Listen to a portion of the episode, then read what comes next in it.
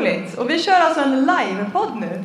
Hur många här, är det någon som har lyssnat på Sprid ordet någon gång? Ja, kul! Wow. Roligt. Nu kör vi då IRL-version. Då ni får vara med i bakgrunden. Ja, exakt. Precis, så vår podd, det är liksom målet är att vi ska gräva djupare i Bibeln. Eh, och vi vill bara så här, vi vill göra bibelstudier roligt. vi tycker det är jättekul. Det är liksom ett utflöde av vilka vi är. Vi är bibelnördar. Vi älskar Jesus och eftersom vi älskar Jesus så älskar vi hans ord. Eh, och då i vår podd brukar vi gå igenom typ ett tema i Bibeln och sen gräva lite djupare i det och kolla på det så här. Eh, men idag... Han är, han är ja. smarta och jag ställer alla frågor. Exakt, exakt. Hon är rolig också. För humor är något jag saknar. Nej, nej men... Eh, Det var det roligaste han har sagt. ja, ja, exakt. Nej, men hur som helst så, ja, ni hör ju här att vi är gifta, då kan man ge pikar så här. Eh, nej, eh, eh, men något vi verkligen brinner för är att vi tror att Bibeln är Guds ord. Eh, och det ska vi prata om idag. Vi ska prata om Bibeln. Eh, och vi tror, inte bara, alltså, vi tror inte att Bibeln är Guds ord bara på ett så här fundamentalistiskt sätt i den betydelsen av att eh, Gud eh, liksom zappade de här författarna och bara kom i trans och skrev varenda ord liksom från himlen så här, direkt ner så här, eller föll guldtavlor ner från himlen som så här, uppenbarade Guds ord. Det är inte på det sättet vi tror att Bibeln är Guds ord. Utan vi tror att Gud eh, ledde mänskliga författare till att skriva eh, det budskap vi har, de 66 böcker vi har som kallas Bibeln. Och att eh, det blev som Gud tänkt. Och när vi studerar det så kan vi få veta Guds vilja för våra liv och han vill tala personligen till var och en av oss. Liksom. Eh, ja, typ så. Eh, och det vi ska kolla på idag då, det är lite bara hur, vi kan veta att Bibeln är gudomlig. Men först lite fakta om Bibeln tänkte jag Jenny. Kör. Det är att Bibeln är, eller det är ett bibliotek böcker. Det är 66 böcker. Det är uppdelat i Nya och Gamla Testamentet. Där Gamla Testamentet är 39 böcker och Nya är 27. Och de här böckerna är skrivna på ett tidsspann över eh, 1500 år. Så Många år. Många år. Så de senaste skrevs för typ 1900 år sedan och de äldsta de skrevs för typ 3500 år sedan. Så det är ganska stor så här, spännvidd.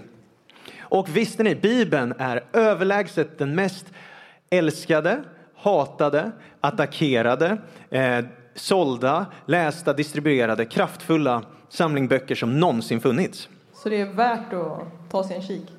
Ja, det är värt att ta sig en kik om man inte gjort det, eller hur? Eh, och Bibeln har ju liksom haft en impact på historien som ingen annan. Och jag läste på Guinness World Records och då kollade de så här mest eh, sålda eller distribuerade bok någonsin. Och Bibeln är ju det då. Den är på, man tror mellan 5 till 7 eh, miljarder gånger. Den som är på andra plats eh, är åtta, eh, vad, vad säger jag? åtta gånger färre, liksom, eller vad säger man? Ja. Koranen är på andra plats. Eh, Bibeln är såld, eller distribuerad åtta gånger så mycket som Koranen. Så det är ganska stor skillnad. Liksom. Eh, Men Bibeln är ju inte bara en record-breaking bok, utan vi tror ju att den är Guds ord. Att vi tror att den har övernaturligt ursprung. Att det inte bara är ett jordiskt ursprung, utan det är ett utomjordiskt ursprung, om jag får använda en sån term. Vi tror att den är himmelskt ursprung. Vi tror att den är från Gud själv och helig ande har lett den. Så här. Men innan det så bara så här, det är också att många har inte så bra förhållande till Bibeln. Ehm, För den är ju som sagt ganska gammal. Den är inte Ja. skriven på Gen Z-språk direkt. Utan, eh, det Jag, har sett ett TikTok-konto som gör så här Gen Z Bible Stories. Så det är så här, det är jättebra. Ni borde kolla in det. Alltså, det är grymt. Det är så här, de pratar om no cap och eh, alla de här eh, Gen Z-termerna liksom. Det, det är riktigt underhållande. Med en översättning till nutid. Det är så här, the son of the top G, så här, eh, Guds son liksom. Ja. Och vad heter kontot då? Kan du? ja, det heter Gen Z Bible Stories. heter Ja, det. Nu- ja, det, men gå det, in nu, nu ska vi lyssna. Nu ska vi lyssna. Nej, men eh, som sagt, det kan ju vara lite klurigt med att läsa Bibeln. verkligen, verkligen. Det är väldigt spännande med Mm. tanke på att det är en levande bok. Och extra spännande är ju om man bjuder in helig ande när man läser. Ja. Eh, att han ska tala till en när man läser.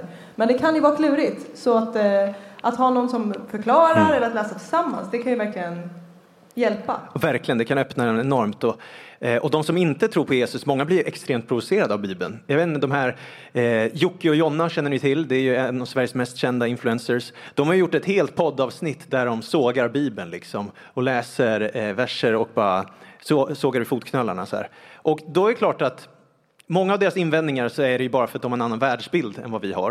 Eh, Men vissa är så här också, det kan vara svåra, kluriga passager också. Bibeln är inte helt lätt tolkad alla gånger, utan man behöver få brottas lite med Bibeln. Och, mm. och det är därför så här, eh, folket i Gamla Testamentet, de kallades, så Guds folk kallades Israel. Israel betyder de som brottas med Gud. Så en del i att vara Guds folk, vi som är Guds folk, det är att vi ska brottas med Gud och få brottas lite med Bibeln och brottas med skrifterna och, eh, och i det mötet så får vi möta Gud djupare. Liksom. Så om du känner att ja, men jag har lite svårt att läsa Bibeln ibland, det är svårt, det är bara, du är bra liksom, sällskap, det är, det, det, är alla, alla har det svårt ibland, alla förstår inte, liksom, ingen av oss förstår Bibeln hela tiden, alltid. Eh, men, men, eh, jag tänker så här, vi kollar lite då på tre skäl varför vi tror att Bibeln är Guds ord, Jenny.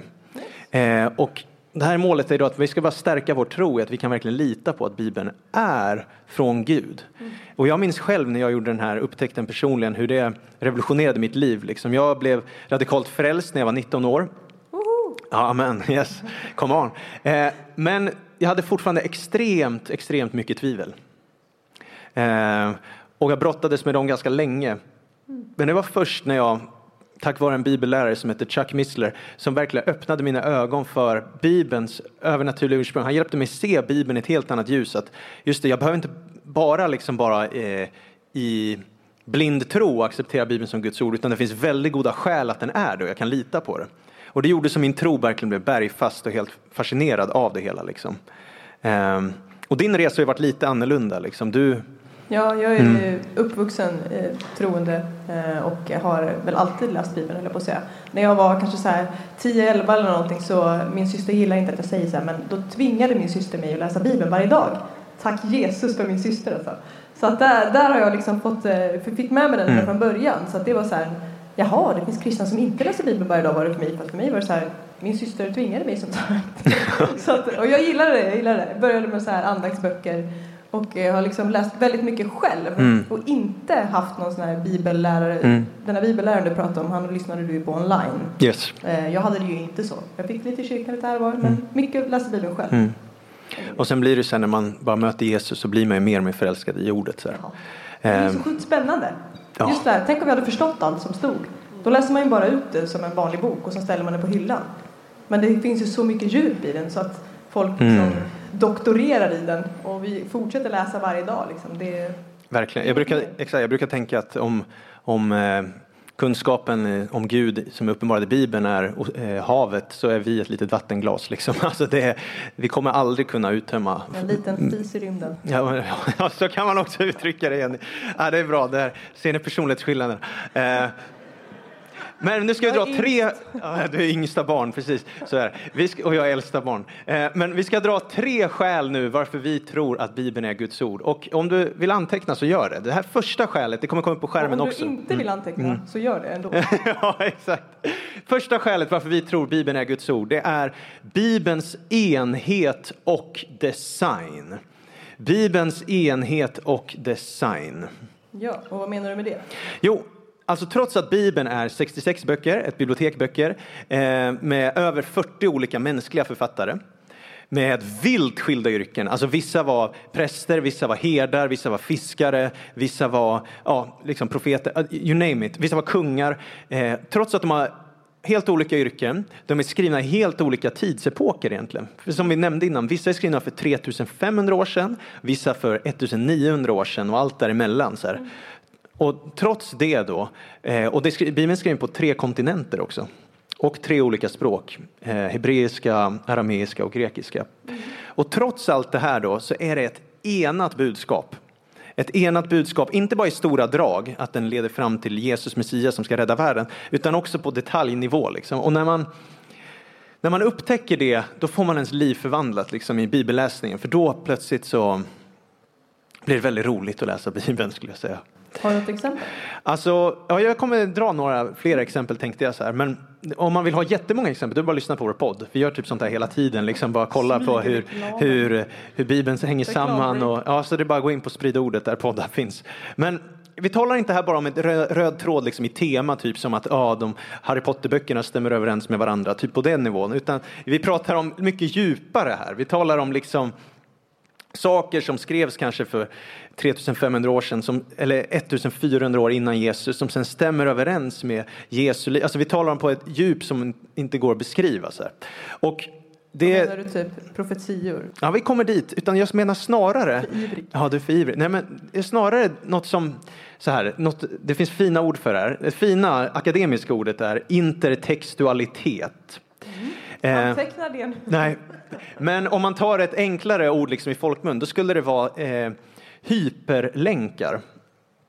Eh, hyperlänk är alltså till exempel om du går in på Wikipedia så lyser en så här blå länk så kan du klicka på den så kommer du till en ny sida så kan du trycka på en till och så är så här. Och Bibeln är så överallt. Liksom, varenda vers refererar typ till en annan vers. Och Innan om, internet fanns då? Ja, precis, precis. Det är ju som ett nät. Ett nät verkligen, internet, liksom, fast ja, Bibelns internet då. Där det är verkligen helt sammanflätat och sammanlänkat på ett sätt som man bara blir helt förundrad över. Eh, och om du har en fysisk bibel, vilket jag rekommenderar, då finns många av dem, speciellt studiebiblar, har något som heter parallellhänvisningar. Eh, och där brukar det stå i slutet av en vers typ så här, eh, ja det här kan du läsa, som en, en, refererar till det här stället och det här stället. Och om man börjar läsa Bibeln på det sättet börjar man se hur cool och sammanflätad den är på något sätt. Mm. Och vissa biblar har det längst ner. Om man kollar längst ner så ser man siffran på versen och sen så står det massa andra verser under. Och om man då bläddrar dit så ser man att oj, de hör ju samman. Just det. Så rent praktiskt, det ser olika ut i olika biblar. Ja. Men om vi tar de här fina orden och så tar vi ett annat ord då. Det finns något som heter påskägg. Halleluja. påskägg. Eh, eller Easter egg då. Och det här, det är något som används inom filmer.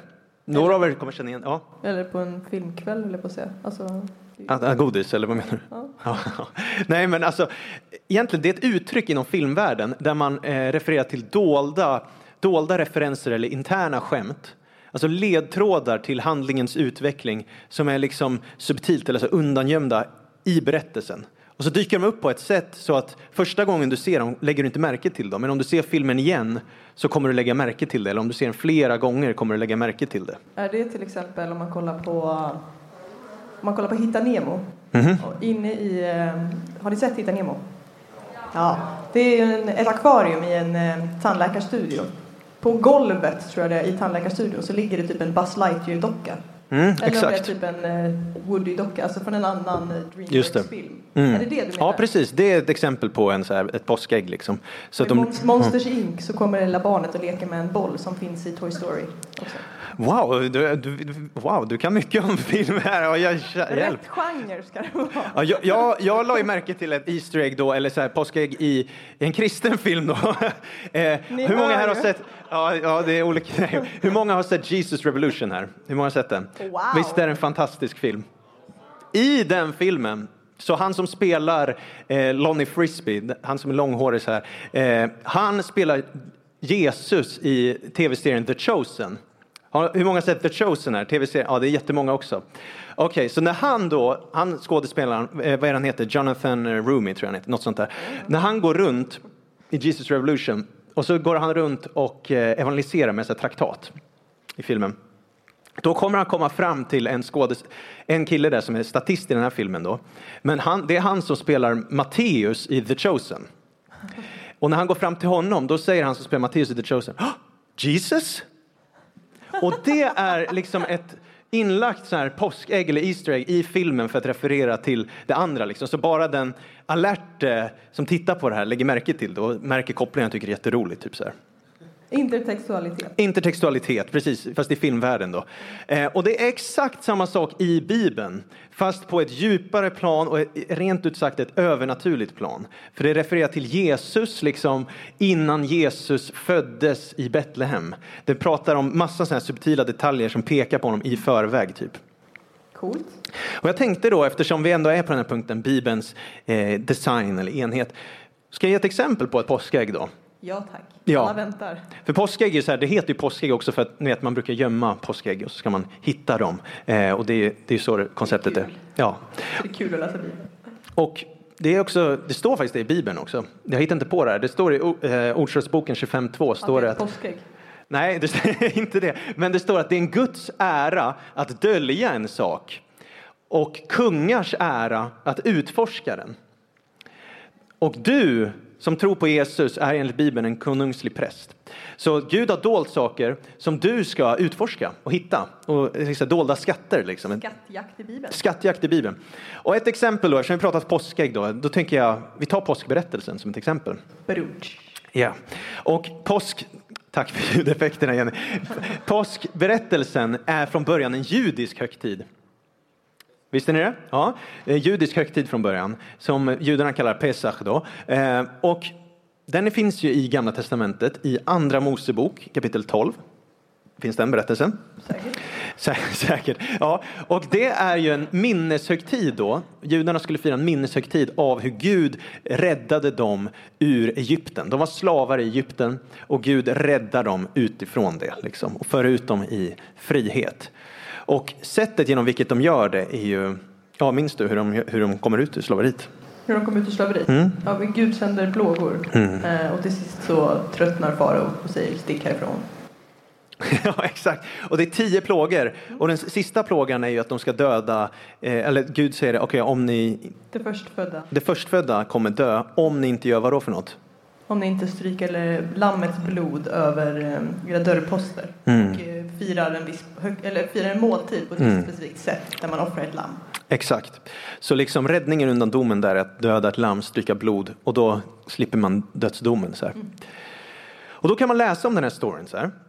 Och så kan man läsa att när Gud befaller israeliterna att de ska göra det här, då säger han att ni ska ta ett lamm på hebreiska datumet tionde Nissan. Nissan är en kalendermånad som eh, hebreerna använder sig av. Tionde Nissan. Men ni ska slakta den på fjortonde Nissan. För då kommer dödsängeln så här, och då ska ni stryka eh, blodet på dörrposterna. Så, här. så ta lammet på tionde dagen in till er familj, så här, eller presentera det då. Men fjortonde dagen, då eh, ska det slaktas i skymningen. Och sen efter det slaktats då ska du stryka det som du sa på dörrposterna och dörrträt. Och sen ska man äta det tillsammans med osyrat bröd eh, och bittra örter. Och så får man inte lämna kvar något av köttet till morgonen. Eh, och inget ben på lammet får krossas. Utan man måste liksom äta det så helt. Och sen går ju då den här dödsängeln igenom Egyptens land eh, och dödar allt först för att och de som hade täckt med lammets blod slapp dom, domen. Domen passerade. Eh, Pesach. Pesach betyder ju passera på hebreiska. Så den passerar dem förbi och sen så kan de gå ut i frihet för far och släpper dem. Liksom. Det är ju storyn typ så här. Mm, precis som jag sa. Ja, och då, om vi ska bara säga lite påskägg då som Gud. Det här är inte Mose som planterat de här tankarna. För att Mose visste, alltså, Mose visste inte exakt hur Jesu liv skulle utspela sig. Det är Gud, helig ande, som har lett texten då när de skulle fira den här påskhögtiden. Han har lagt små påskägg då som så här, vi senare kan utforska och säga, oh wow, tjena, det här pekade på Jesus. Och då ett exempel då till exempel. När Jesus kommer in i bilden i Nya Testamentet och han ska döpas av Johannes döparen. Det pratade ju Henak om här idag också faktiskt, att han ska döpa, liksom presenteras här och höra en röst från himlen. Då säger Johannes döparen, se Guds lamm som tar bort världens synd. Guds lamm. Och lamm i Bibeln är en berätt, eh, till, en länk tillbaka, en hyperlänk tillbaka till påskberättelsen. Ja, för annars är det jättekonstigt om det bara kommer en människa och så bara åh, titta en tiger. ja, exakt. Det, liksom- det, det, det make ingen sense liksom. Så man måste ju vara liksom stöpt i de här berättelserna för att fatta bildspråket. Och det här lammet då, när de skulle ta det i, i Gamla Testamentet, i, när de skulle bli räddade, då skulle det vara felfritt. Det fick inte ha liksom fläckar på sig, eller så här. det skulle vara helt fläckfritt. Och det är en väldigt viktig del i Nya Testamentet att Jesus skulle vara syndfri, utan fläck. Och det här då, lammet, skulle ju tas på tionde Nissan, då, det datumet. Och vet ni, Jesus, när han ska dö i Jerusalem, han kommer dö på exakt påskdatumet. Men han rider först in i Jerusalem på en åsna. Känner ni igen den berättelsen? Och då kliver han in i Jerusalem och presenterar sig själv för världen som kung. Vet ni vilket datum det är? Tionde Nissan. Wow. Oj, häftigt. Och lammet skulle ju Vilken slaktas. slump! Vilken slump ja. Eller kan det vara ett påskägg inlagt av den helige ande? Lammet skulle slaktas. Jesus dör ju på korset. Vilket datum? 14 är ju såklart då. Påskdatumet, ja, exakt. Och Jesu, eh, lammets blod skulle strykas på trä. Jesus blod rinner på trä, På ett kors. på ett kors. Ja. Inget ben skulle krossas på lammet. Och när Jesus dör på korset, vad händer då? De krossar inte hans ben. Precis. Vilket de gör på de som korsfästes bredvid. För det brukade man göra för att man skulle dö snabbare. Eller man gör, de gjorde det för att Mm. man inte skulle hänga kvar över sabbaten typ. Eller vad? Nej, det var för att man brukar, när man, när man dör på korset, så, här, så brukar man krossa eh, benen på de som hänger i korsfästelse för att då kan de inte lyfta upp sig själva och andas, utan, så de ska kvävas snabbare och dö snabbare. Men Jesus var redan så torterad, så när han hänger på korset så behöver de inte krossa några ben på honom. Och det är ju vad romarna tänker. Men vi som läser Bibeln förstår att okej, det här var också förberett av Gud i förväg för att matcha då med påskalammet till exempel. Coolt. Ja, verkligen, det är coolt. Och sen också så här, lammet fick inte lämnas kvar till dagen efteråt. Jesus, han plockas ner från korset direkt, står det. Det är väldigt viktigt i evangeliet att han plockas ner direkt efter han död. Och sen är det också en, så här, en knippa isop, jag vet inte ens vad isop är för någonting. Och du brukar håna mig att jag sa is, isop förut och du sa att det uttalas fel, men jag vet inte ens vad det är för något. Men Men det uttalades fel. ja, det är någonting i alla fall så här, som Bibeln Någon säger växt. att, ja, någon växt, som man använder för att stryka så här, eh, på lammets blod på dörrposterna. Och när Jesus dör på korset, Det är en kryddväxt det är en kryddväxt, enligt Wikipedia. Enligt Wikipedia. Så då, när Jesus dör på korset, vet ni vad som händer? De tar en isopskälk på Jesu korsfästelse och använder den för att eh, genom vin, tror jag det ättikvin och så här. Vilken Oj, slump. vilken slump! Nästan som att det ligger någon liksom så här övernaturlig design. Ja, ja, nästan så va. Och hur blev folket räddade från slaveriet i Egypten? Genom Lammets blod. Hur blir du räddad från syndens slaveri i ditt liv? Lammets blod. Amen. Bra bok. Väldigt bra bok. Så det här var bara några exempel på lite olika påskägg i Bibeln. Men det här, är liksom, det här gäller inte bara påskberättelsen. Det här gäller typ alla berättelser i Bibeln. Alltså i nästa, äh, in, inte exakt alla, men jättemånga. Hur de sammanflätas och länkar och pekar framåt. Så här. Vi Och har här, massa ja, exempel på det i podden. Vilken serie? ja, vi har en serie som heter Profetier om Jesus. Där är det ju det är crazy liksom. Asmånga. Så det var första. Andra skälet då varför vi verkligen tror att Bibeln är Guds ord, det är Bibelns profetior. Bibelns profetior. Och profetior är ju på ett, alltså det, profe, profetia kan ju användas på många sätt. Det kan talas om att bara tala Guds hjärta till dig. Liksom uppmuntran, uppbyggelsetröst. När vi använder ordet nu, då menar vi förutsägelser. Alltså att man säger något i framtiden innan det skett. Och det här är ju, om du tänker dig Gud, att han vill visa för oss människor att Bibeln är från honom och Gud står utanför tid, då är det ju ett väldigt effektivt redskap att använda sig av profetior för att bekräfta att Bibeln är från honom. För det är ju supersvårt att förutsäga framtiden. Om du någon gång har sett en meteorolog på tv så har de väldigt ofta fel om vädret. Om du någon gång har sett en sportkommentator som säger hur det ska gå i en match så har de väldigt ofta fel hur det ska gå i den matchen. Om du ser en politisk kommentator som ska säga hur det ska gå i ett val så har de väldigt ofta fel hur det ska gå i det valet. Alltså att förutsäga framtiden är extremt, extremt svårt. Men här Bibeln gör det om och om och om igen. Så det här är ett väldigt effektivt sätt att kunna veta att det här är från Gud. Då. Och det är ju inte bara gissningar heller, utan det är så här spot on grejer. Ja. Så det är ju inte bara, åh, jag gissar på att det blir 2-1 i matchen. Nej, precis, precis.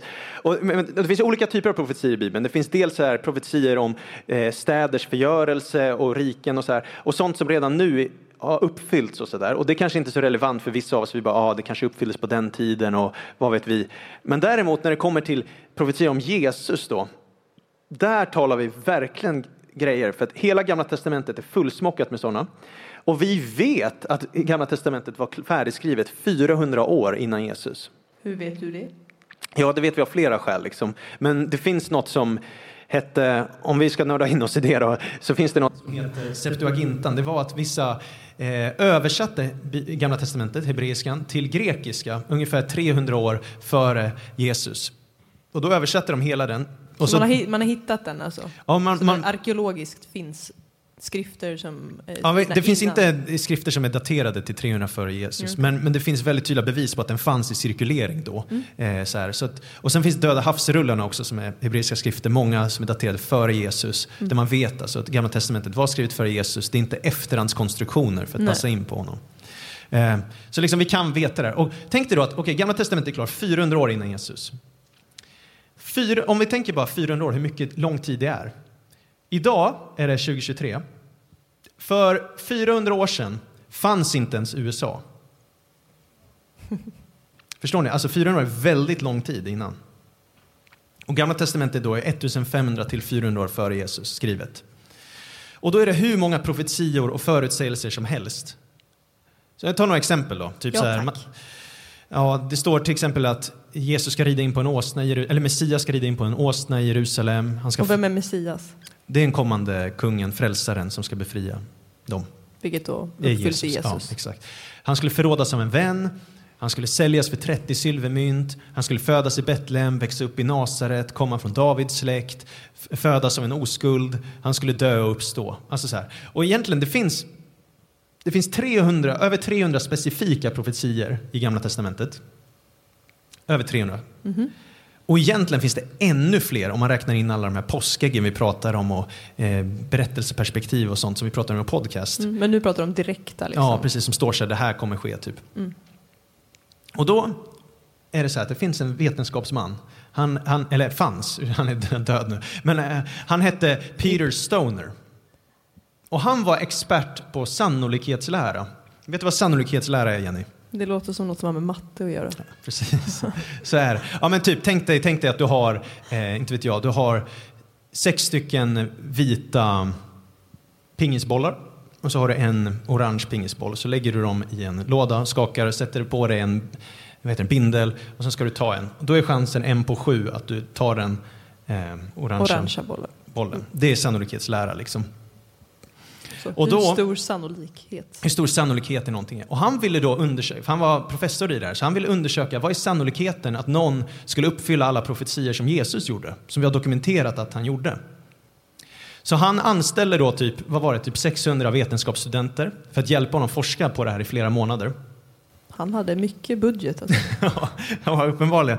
Eller studenter kanske inte fick betalt, jag vet inte. Ja, men de fick betalt i inte kaffe. Ehm, men om jag förstått det här rätt nu, alltså, jag har inte eh, dubbelkollat faktan, men det är att det skulle vara också att en eh, scientific council liksom skulle kolla på det här resultatet efteråt och de gjorde bedömningen att det de kom fram till var återhållsamt, alltså det var ingen överdrift, det han kom fram till resultatet. Så här.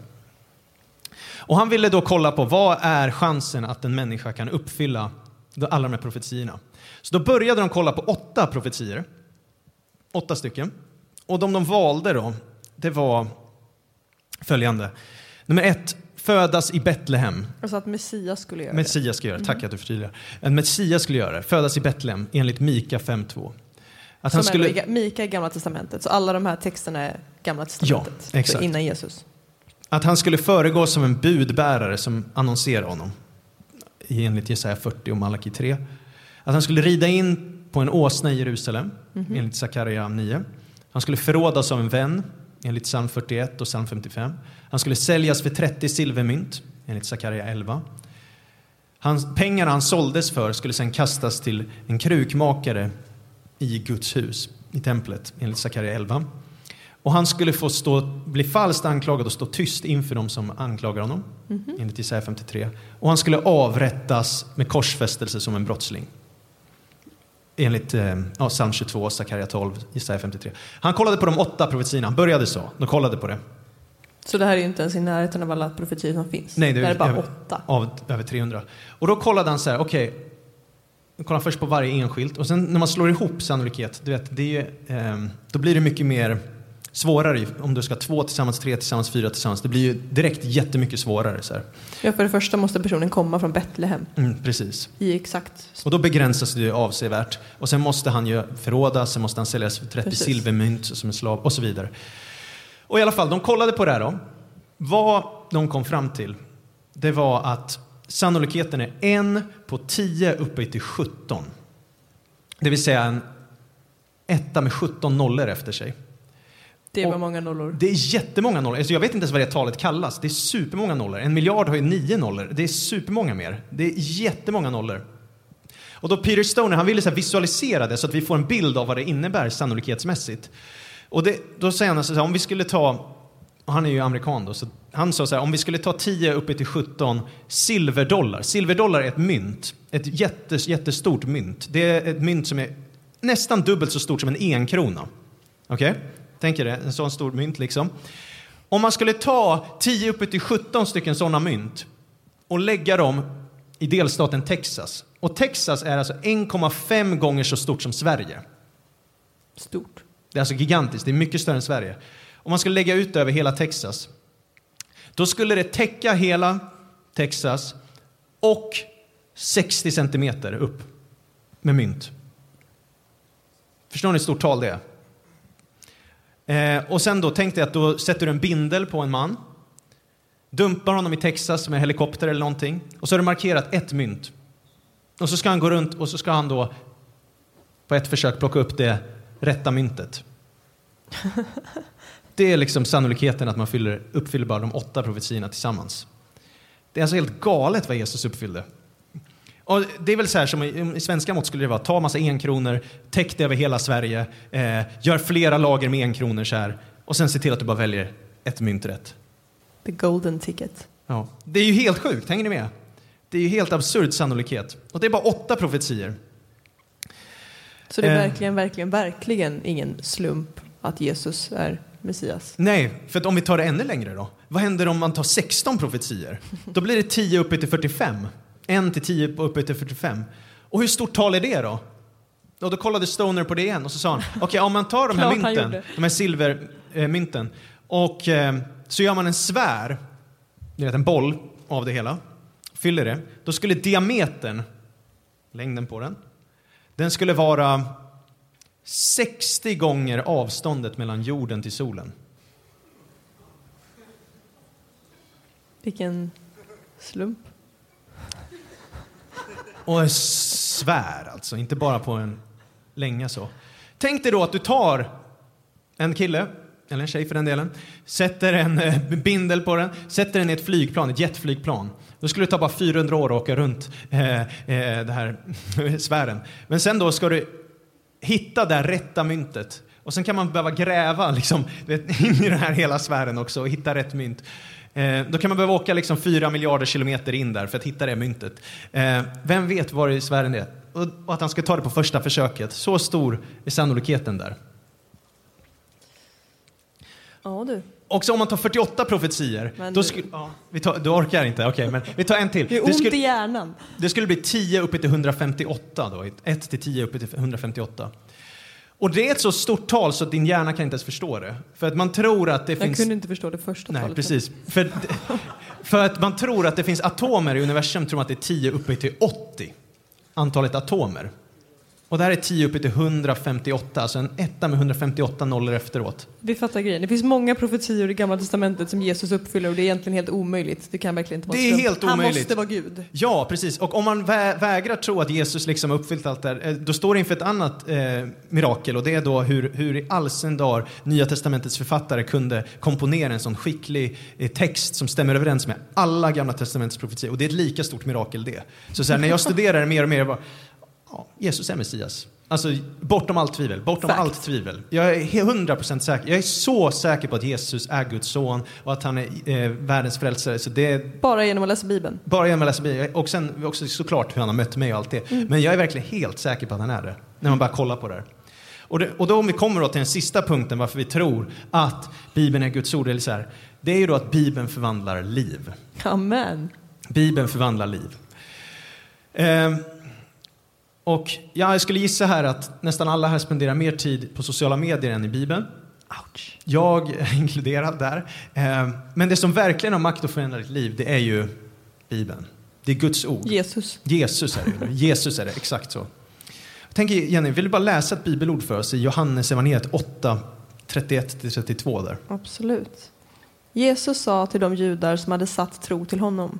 Om ni förblir i mitt ord är ni verkligen mina lärjungar och ni ska förstå sanningen och sanningen ska göra er fria. Så Jesus säger så här till de som tror på honom. Okej, okay, om ni nu verkligen tror på mig, om ni verkligen vill vara mina lärjungar nu, alltså mina efterföljare, då ska ni förbli i mitt ord. Mm. Och när ni förblir i ordet kommer ni förstå sanningen och sanningen kommer göra er fri. Så det är tre steg. Förbli, förstå och frihet. Och det är inte bara sanningen som gör dig fri, det är sanningen du förstår mm. som gör dig fri. Mm, ni ska förstå sanningen och sanningen ska göra dig Och det fri. förstår du när du börjar förbli i den. Och då börjar din världsbild förändras och du börjar liksom bli mer och mer lik Jesus. Här. Eh, och det är ju Jesus som förvandlar dig genom sitt ord, när du mm. badas i hans ord. Men nyckeln var förbli. Så det är progressionen är förbli, förstå, förvandlas. Mm. Och som man för övrigt kan ha som en slogan på sin podd till exempel. ja, precis, de som lyssnat. Eh, men det finns till och med vetenskapliga bevis på att de som förblir i ordet blir förvandlade. Och då var det Center for Bible Engagement gjorde en studie med 40 000 människor i åldrarna 8 till 80 år. För att se liksom, okay, hur mycket påverkar Bibeln människors liv? Om folk läser den en gång i veckan, två gånger, tre gånger, fyra gånger, fem, sex, sju gånger i veckan eller ingen gång i veckan. Lever de annorlunda liv eller inte? Och de testade liksom olika testgrupper på olika sätt. Så här. Och det de såg var att det fanns ingen märkbar skillnad på människor som aldrig läste Bibeln och människor som läste Bibeln en, två eller tre gånger i veckan.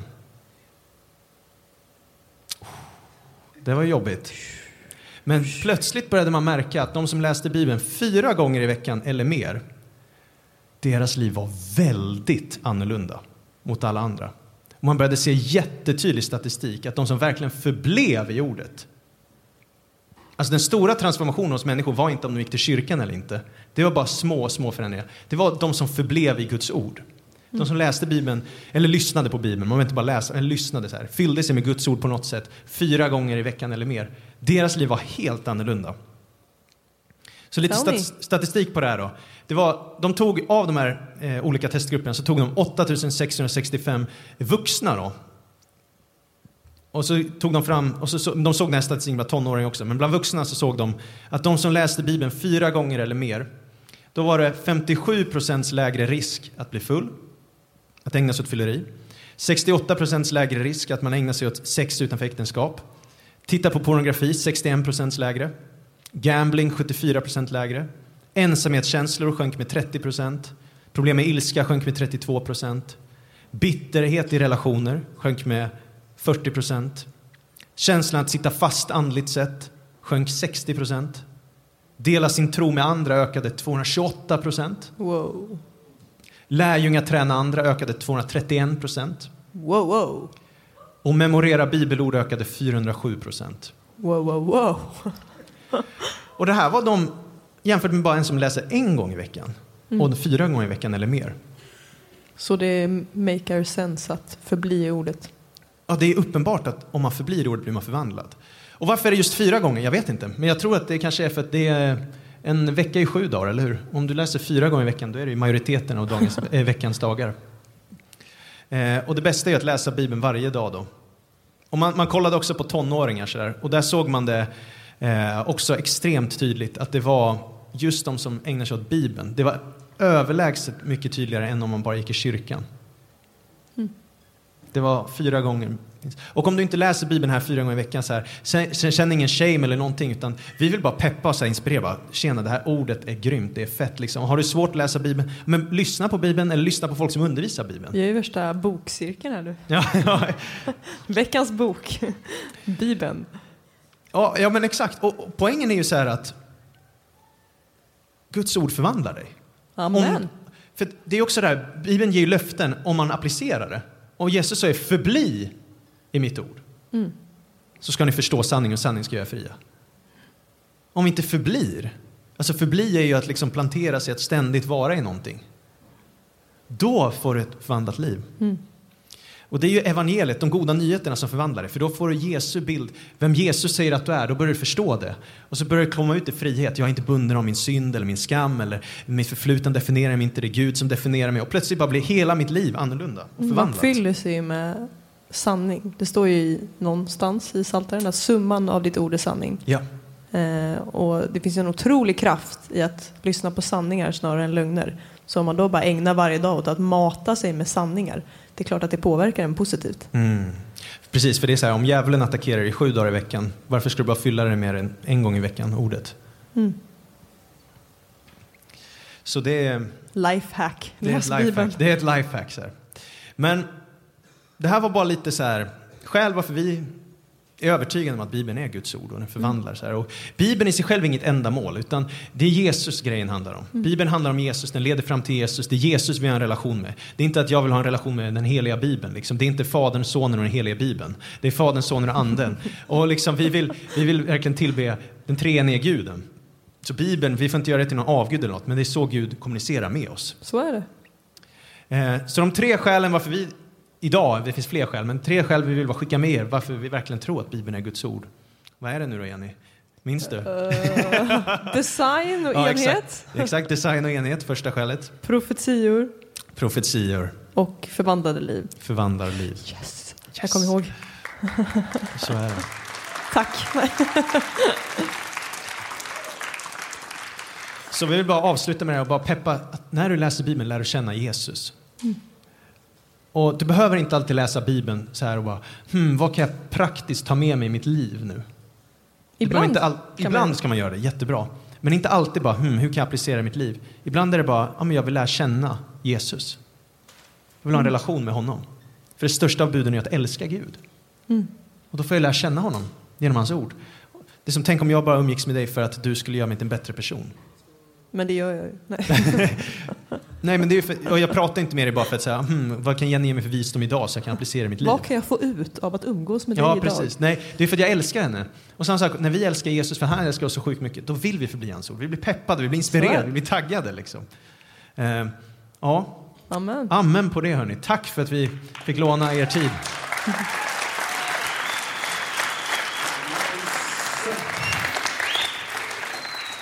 Bra, mycket bra. Eh, vi ska få ställa några frågor. Så eh, jag är springpojken.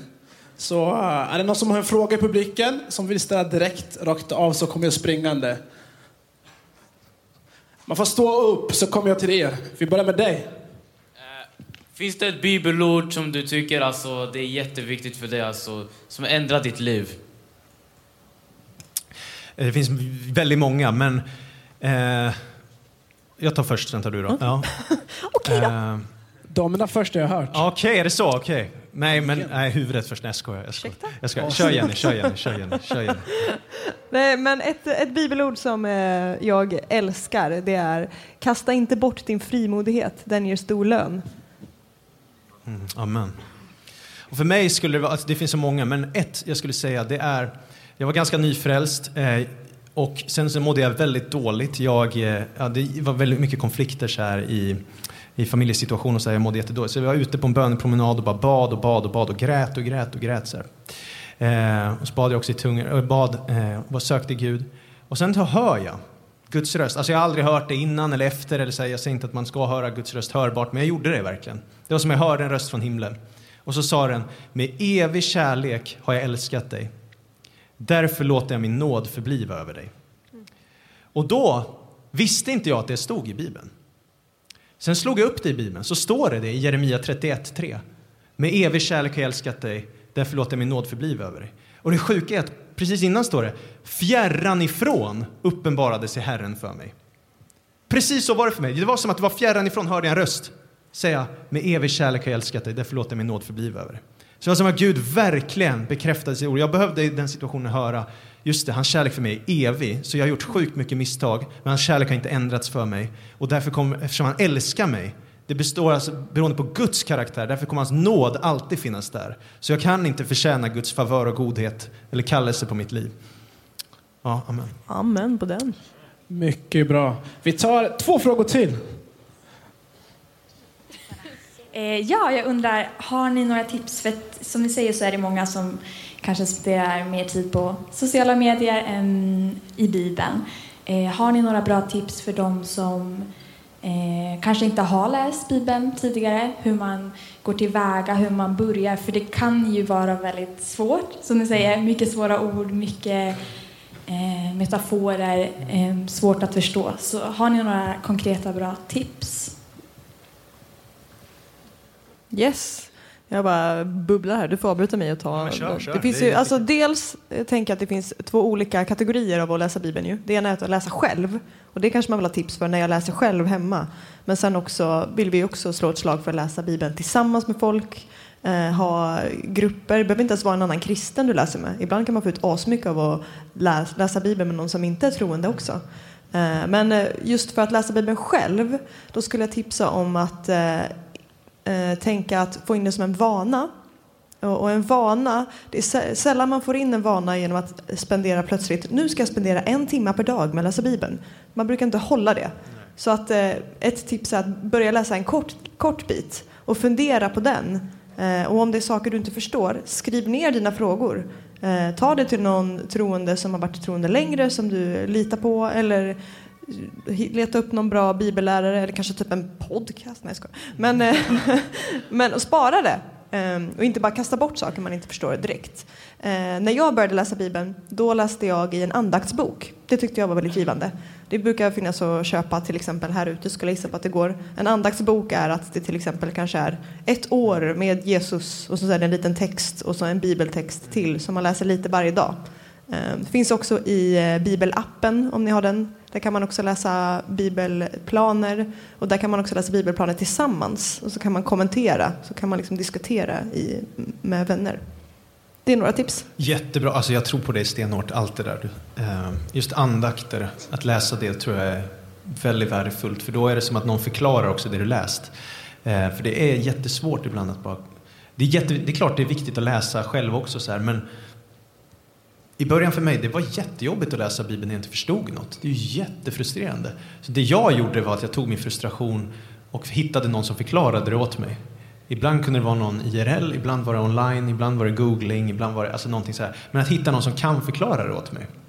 Eh, för att det kristna livet är inte tänkt att levas ensam heller. Nej. Utan vi behöver varandra, så här, vi behöver någon som undervisar oss. Och så för mig har det varit jättemycket viktigt bara att när jag läser Bibeln och inte förstår något, om jag hittar någon som kan förklara det åt mig. Eh, ja, så det är också ett, ett komplement till allt du har sagt, liksom, bara vilja fylla i det också. Typ. Mm. My... Bror, sitter du och sover eller? Bra. Hörrni, vi kommer kanske inte hinna med många frågor för er. Så vi får ta det efteråt. Så eh, jag tänker vi ska avsluta med en bön tillsammans där ni får be för oss. Så att eh, den, de av oss som ännu inte hittat en rutin är att Teresa Bibeln ska få komma in, att den helige ska få inspirera ordet så det får bli levande och verksam i våra liv. Eh, och jag älskar just det de så att börja med smått så får du växa steg för steg eh, i allting. Det är ingen som får allting så här under en dag utan det är en process. Precis som när du går på gymmet eller i ditt fotbollslag eller innebandylag att du tränar för det som ligger framför hela tiden så växer du sakta men säkert. All right, ska vi stå upp tillsammans? Så ska Petrus och Jenny be för oss innan vi går vidare.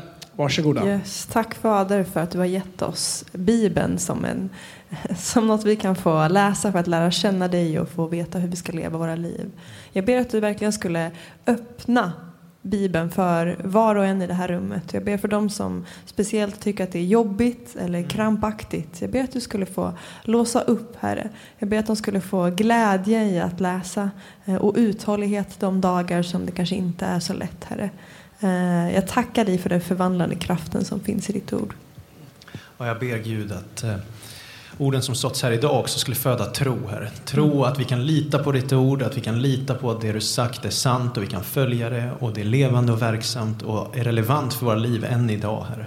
Tackar dig för det. Tack att Bibeln inte bara är en, det är liksom inte en sagobok utan det är en, en det är ditt kärleksbrev till oss människor, Herre. Så hjälp oss bara leva i det nu och förvandlas av det. Och jag förlöser vishetens och uppenbarelsens ande på den här platsen så vi får rätt kunskap om dig. Så våra hjärtas ögon upplyses så vi förstår, Gud, vilket hopp du kallat oss till. Hur rikt på härlighet ditt är ibland heliga och hur oerhört stor din makt är oss som tror efter din väldiga kraft och verksam. Jag bara tackar dig för det, att du reser upp en armé nu som tror på Guds ord, sprider Guds ord. Jag ber att Guds ord skulle spridas i vårt land, Herre. Jag ber att varje person här skulle bara leva i ordet och tala ordet och verka i ordet och agera ut ordet. Tack att var och en här skulle få bara inkarnera ordet, alltså vara ordet som blir kött och visa ordet med handling och bara lysa Jesu kärlek. Vi upphöjer ditt namn, Herre, och tackar dig för det, Herre. Bara vi prisar dig, tackar för ditt ord. Vi älskar dig. Hjälp oss alla att förbli, förstå och bli verkligt fria av ditt ord. I Jesu namn. Amen. Amen, amen. Amen. Fantastiskt. Ska vi med en stor applåd? Tack så mycket. tid komma hit. Delade ordet med oss. Som sagt, tack så jättemycket för att ni kom. Och eh, de finns där poddarna finns. Så lyssna på dem och lär dig och ett och annat.